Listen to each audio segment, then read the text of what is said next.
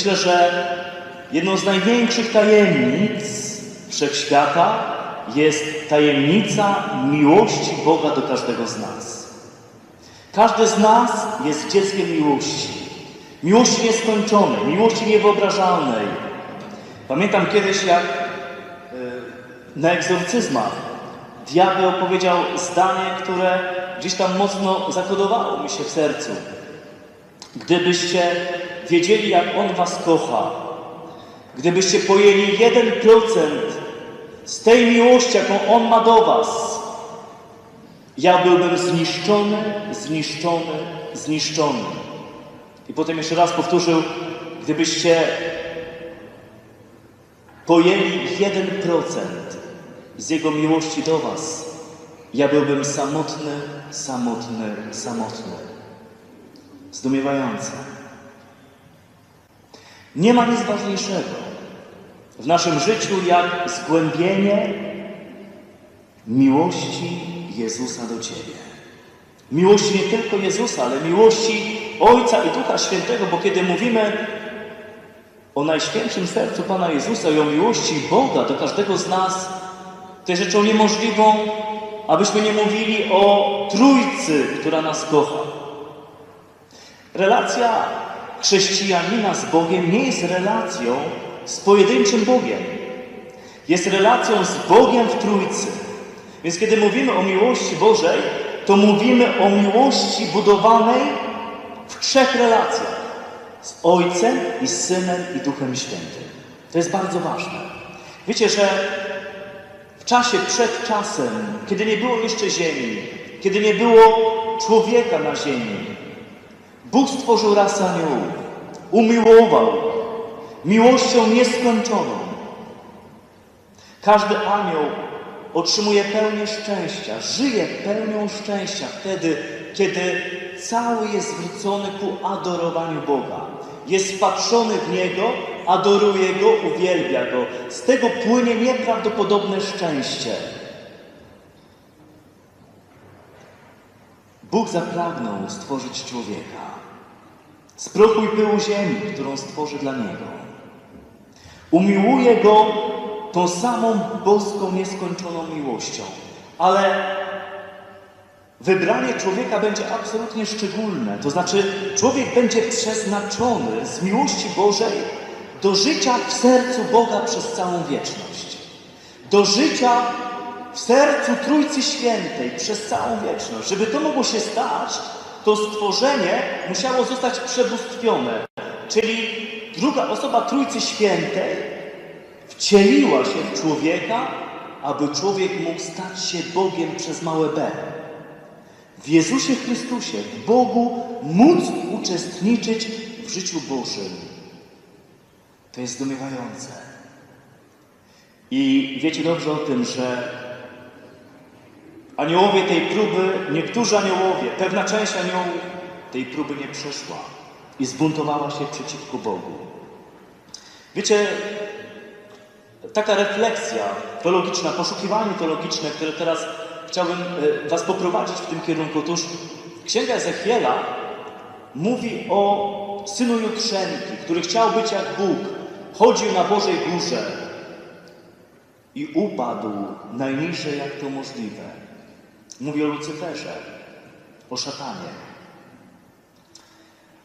I pokazuje tam pewien bardzo ciekawy fenomen. Otóż ten syn Jutrzenki przypatrywał się sobie, jaki jest wspaniały, jaki jest piękny, jaki jest dostojny, jaki jest majestatyczny. To jest bardzo ciekawe. Mówiłem wcześniej, że aniołowie zostali stworzeni do tego, aby pełnię szczęścia otrzymywać adoracji Boga. Natomiast ten oto syn Jutrzenki oderwał wzrok od Boga i zaczął przyglądać się samemu sobie.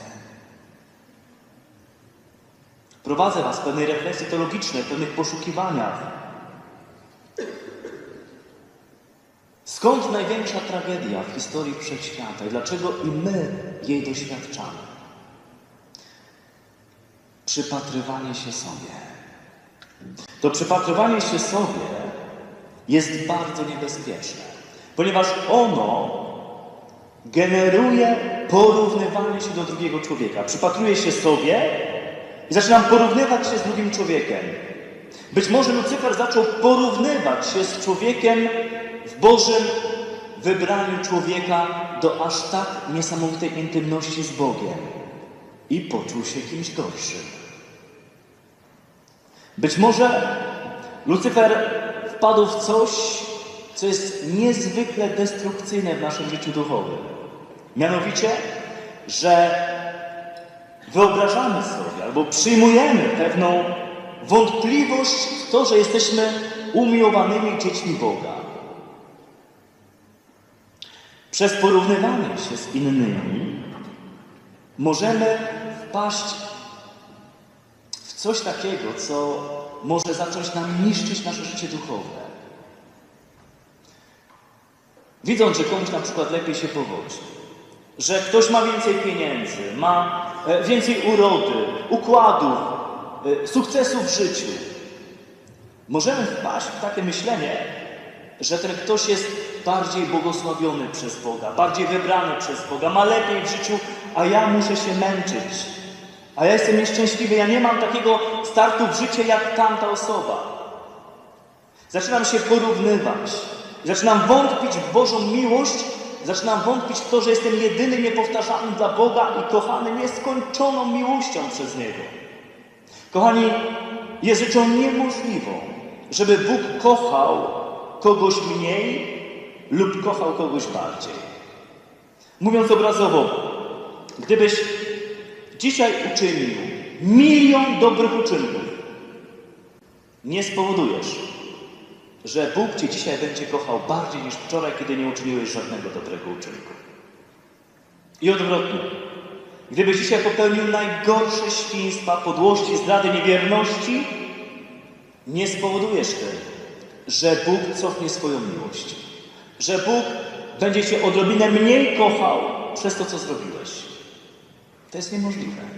Bóg nie może kochać mniej lub bardziej. Kocha każdego nieskończoną miłością.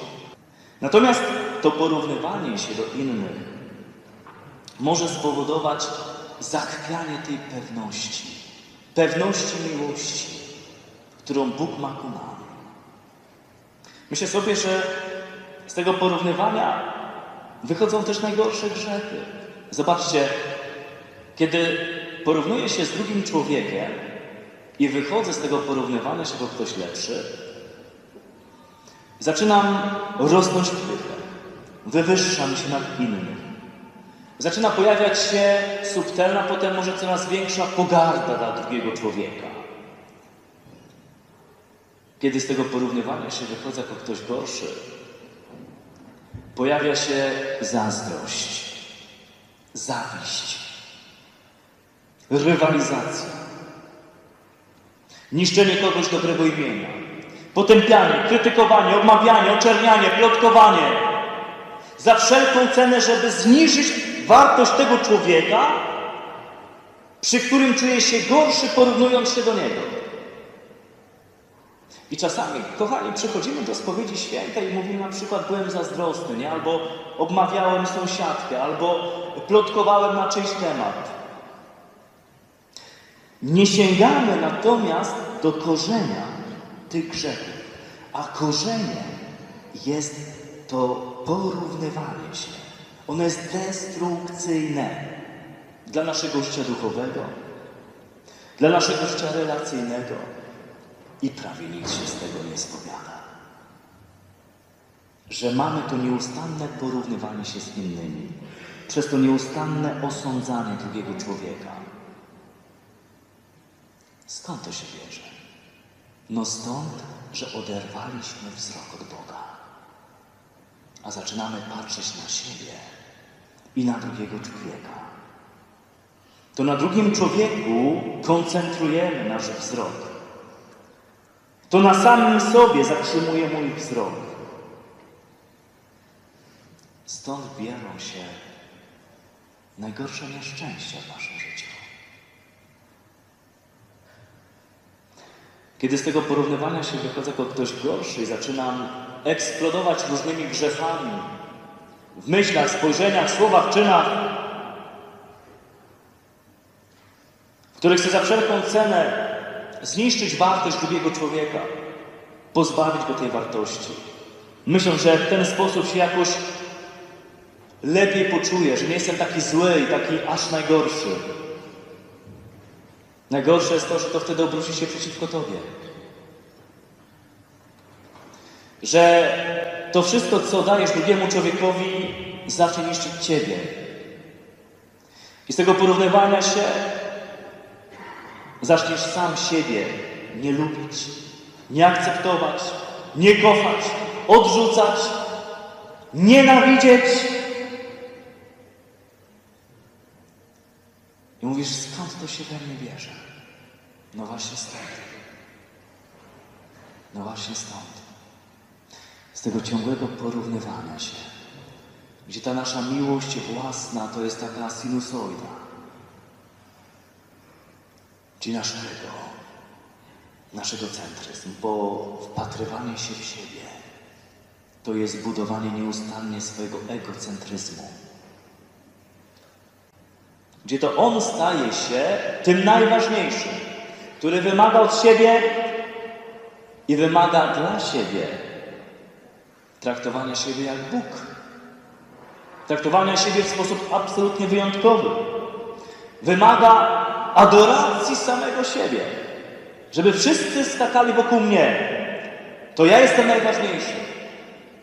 Jak nie dostaję tych oczekiwań, one nie są jakoś zapełnione i wypełnione w moim sercu. Nie dostaję tego poczucia od innych, że jestem wartościowy, że jestem kochany, że jestem najważniejszy, że jestem wyjątkowy. No to wtedy zaczyna się gniew, frustracja, agresja i różnego typu następne zachowania, które są bardzo destrukcyjne dla relacji. Co jest lekarstwem? Ponieważ szatan, jak wiecie, zrobił dokładnie to samo, co sam z sobą. Czyli zniszczył człowieka, Adama i Ewę, swoim egocentryzmem. Będziecie jak Bóg. Bóg się tego boi. Dlatego nie chce, abyście zerwali z drzewa poznania dobra i zła.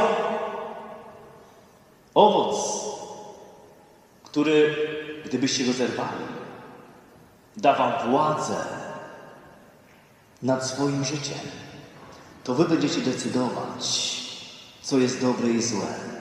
To wy staniecie się centrum swojego życia, panami swojego życia, bogami dla samych siebie. To jest istota grzechu pierworodnego, totalny egocentryzm.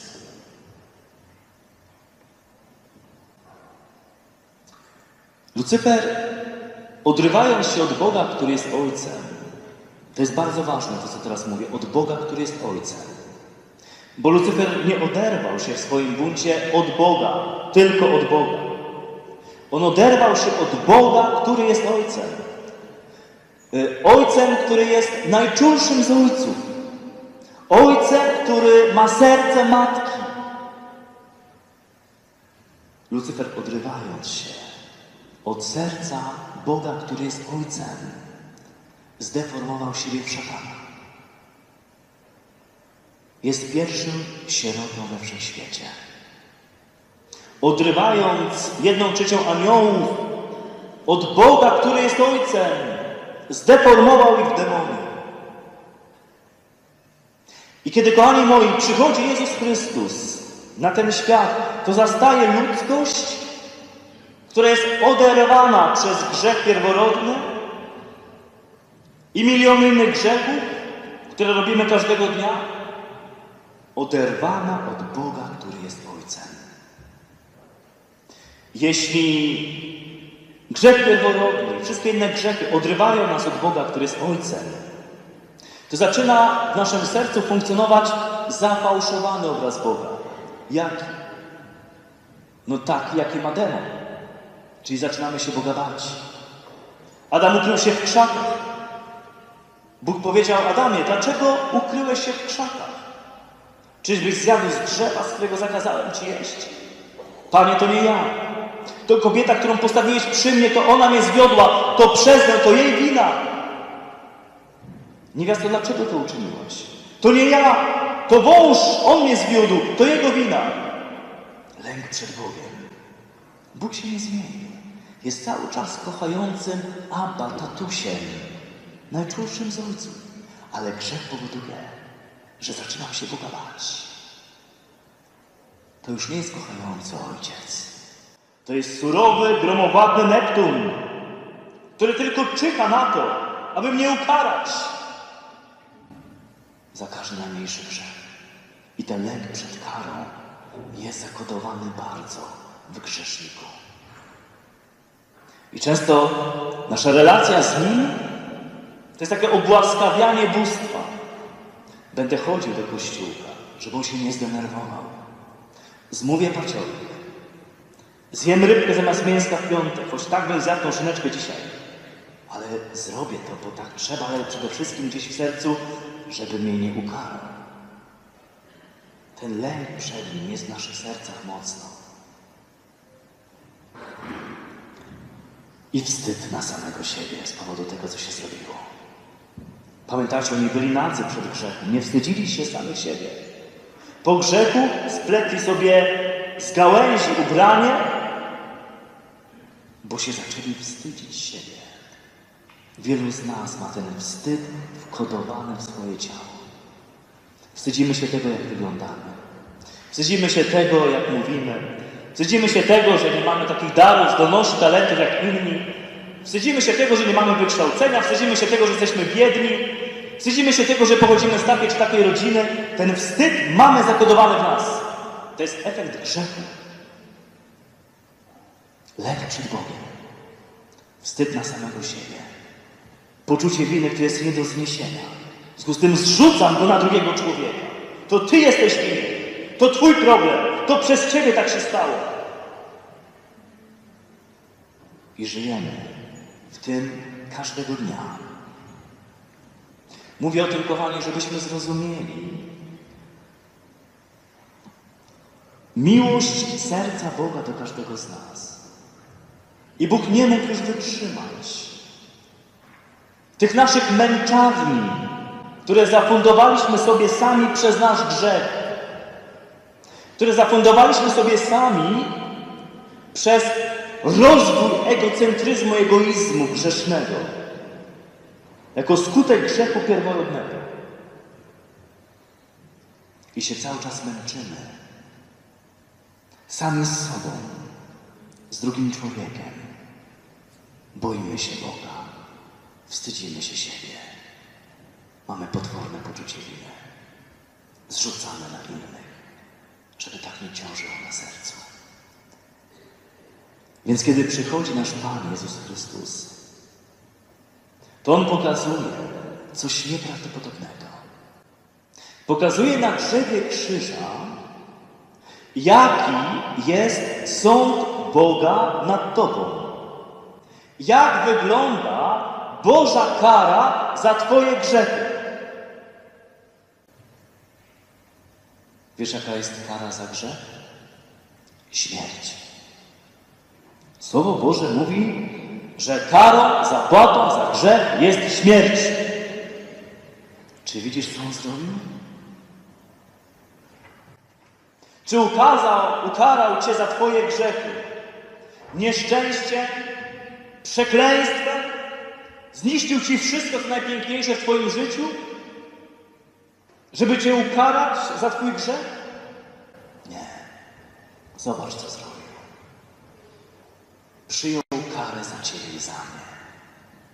To ja i Ty powinniśmy wisieć na tym krzyżu i umrzeć na tym krzyżu, przyjmując karę za nasze grzechy.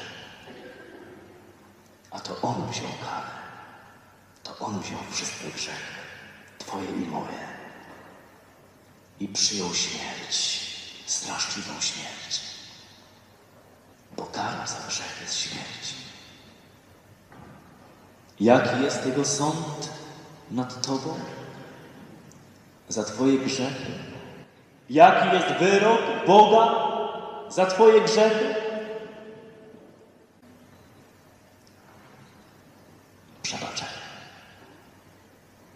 Miłosierdzie.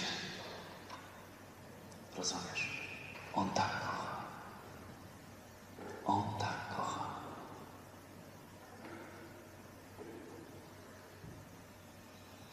I to jego serce przebite na krzyżu.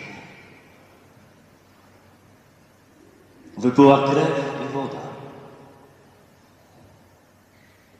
Krew, która obmywa cię z grzechu. Jesteś pojednany z Bogiem. Gdzie ta krew wypływa tu i teraz? W spowiedzi świętej, w konfesjonale. Jak wypływa ta krew? No kiedy stajesz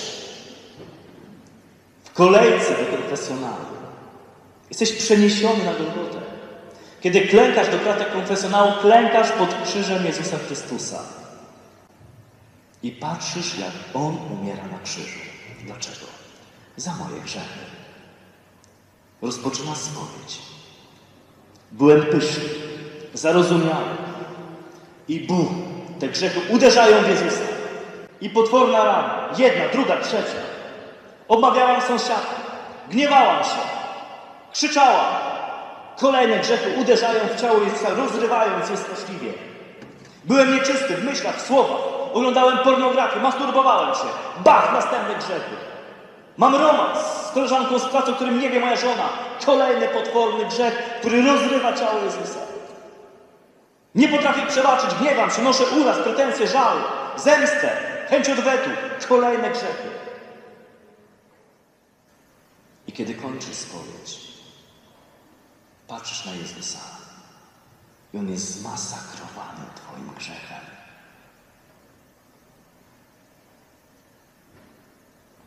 Ale za każdym wyznaniem Twojego grzechu, które masakruje Jego serce, masakruje Jego ciało, wypływa krew. A Jezus krzyżowy przebacza.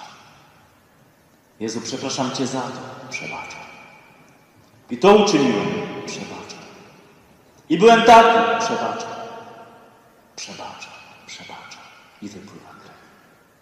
I grzechu. I na zakończenie spowiedzi świętej patrzysz na Jezusa, który patrzy na Ojca i mówi, Ojcze, przebacz mu, bo nie wie, co mi uczynił. Wykonało się i umiera.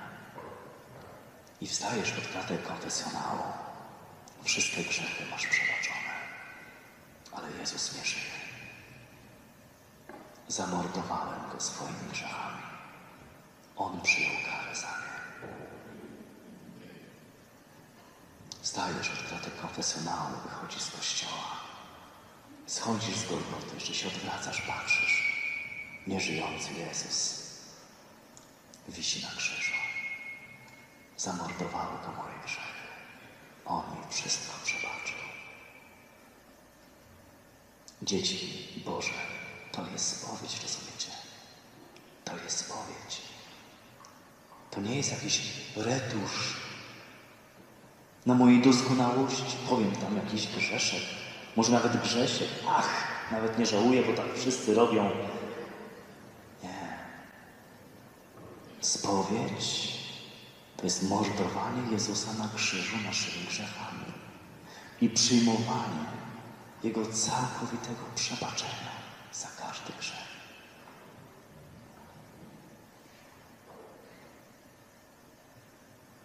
Jesteśmy pojednani z Bogiem. Mamy czyste serce. Jesteśmy obmyci krwią baranka. W Jego ranach jest nasze zdrowie. Ale teraz On odchodzi do nieba. Dlaczego? Bo teraz jest czas przyjścia Parakleta. Kto to jest Paraklet? Obrońca. Przed kim ma nas bronić? Przed oskarżycielem. Kto jest oskarżycielem? Szatan. Dlaczego oskarża nas? Nieustannie dniem i nocą przed Bogiem. Z powodu tego, jakimi jesteśmy grzesznikami. I Ty słyszysz to w sobie. Uczynisz grzech, podle się zachowasz i słyszysz w swoim sercu: Jesteś do niczego, jesteś beznadziejny, zasługujesz na potępienie. I ty często powtarzasz: Jestem beznadziejny, jestem do niczego, zasługuję na potępienie. Ale po drugiej stronie modli się Jezus. Mówi, Ojcze, nie jest godny potępienia. Ja oddałem za Niego życie. Nie jest do niczego. Jest Twoim umiłowanym synem, córką.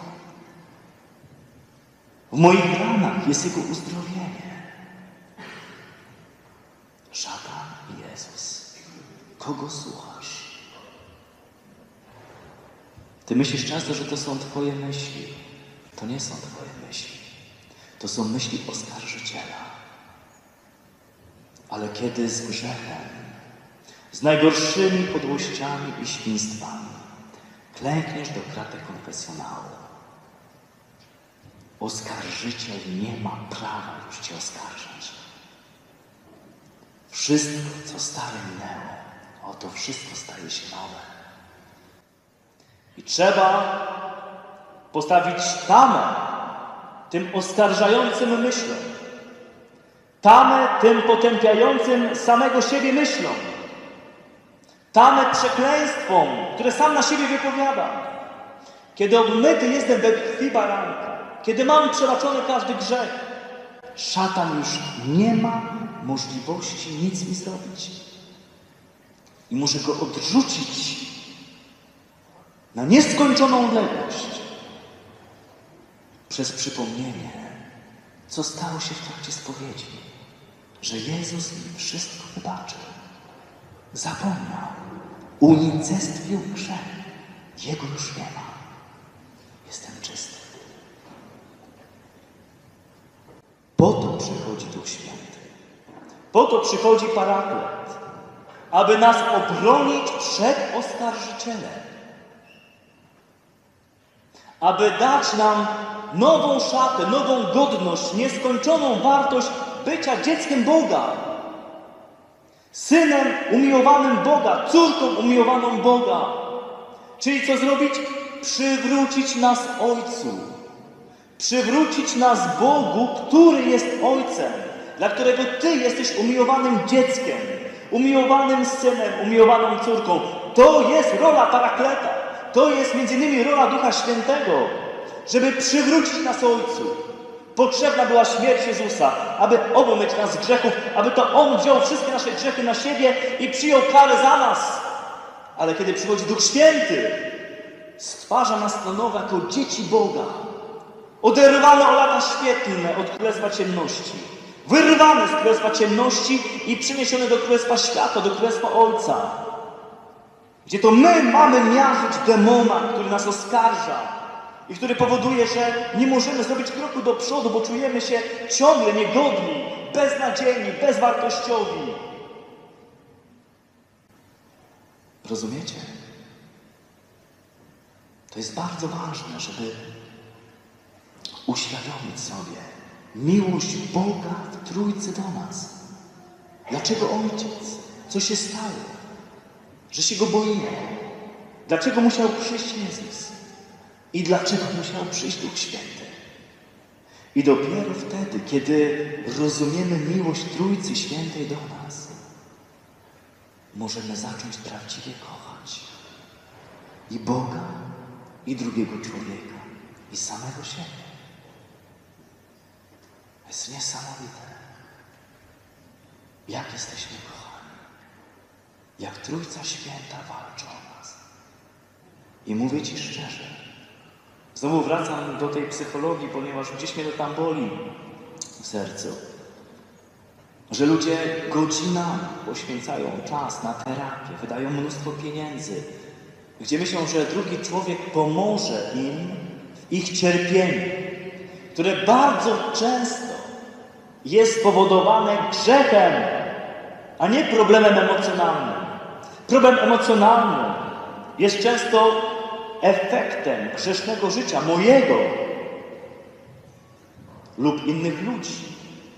których grzechy uderzały we mnie. Problem nie jest w pielęgnowaniu swoich emocji. Problem jest w rozprawieniu się z grzechem i skutkami grzechu. W moim życiu, w życiu mojego małżeństwa, w życiu mojej rodziny. A tam może sięgnąć tylko Bóg. Żaden człowiek nie ma mocy zniszczyć grzechu w tobie. Żaden człowiek nie ma mocy złamać skutków i konsekwencji grzechu. Żaden człowiek.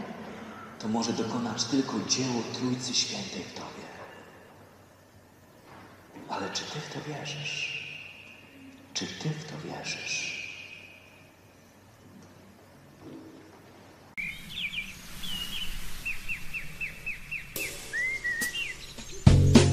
Bywają chwile, gdy jestem sam. Nie mam do kogo użalić się. Pragnę odnaleźć drogę do Ciebie, bo wiem, że zawsze Ty kochasz mnie.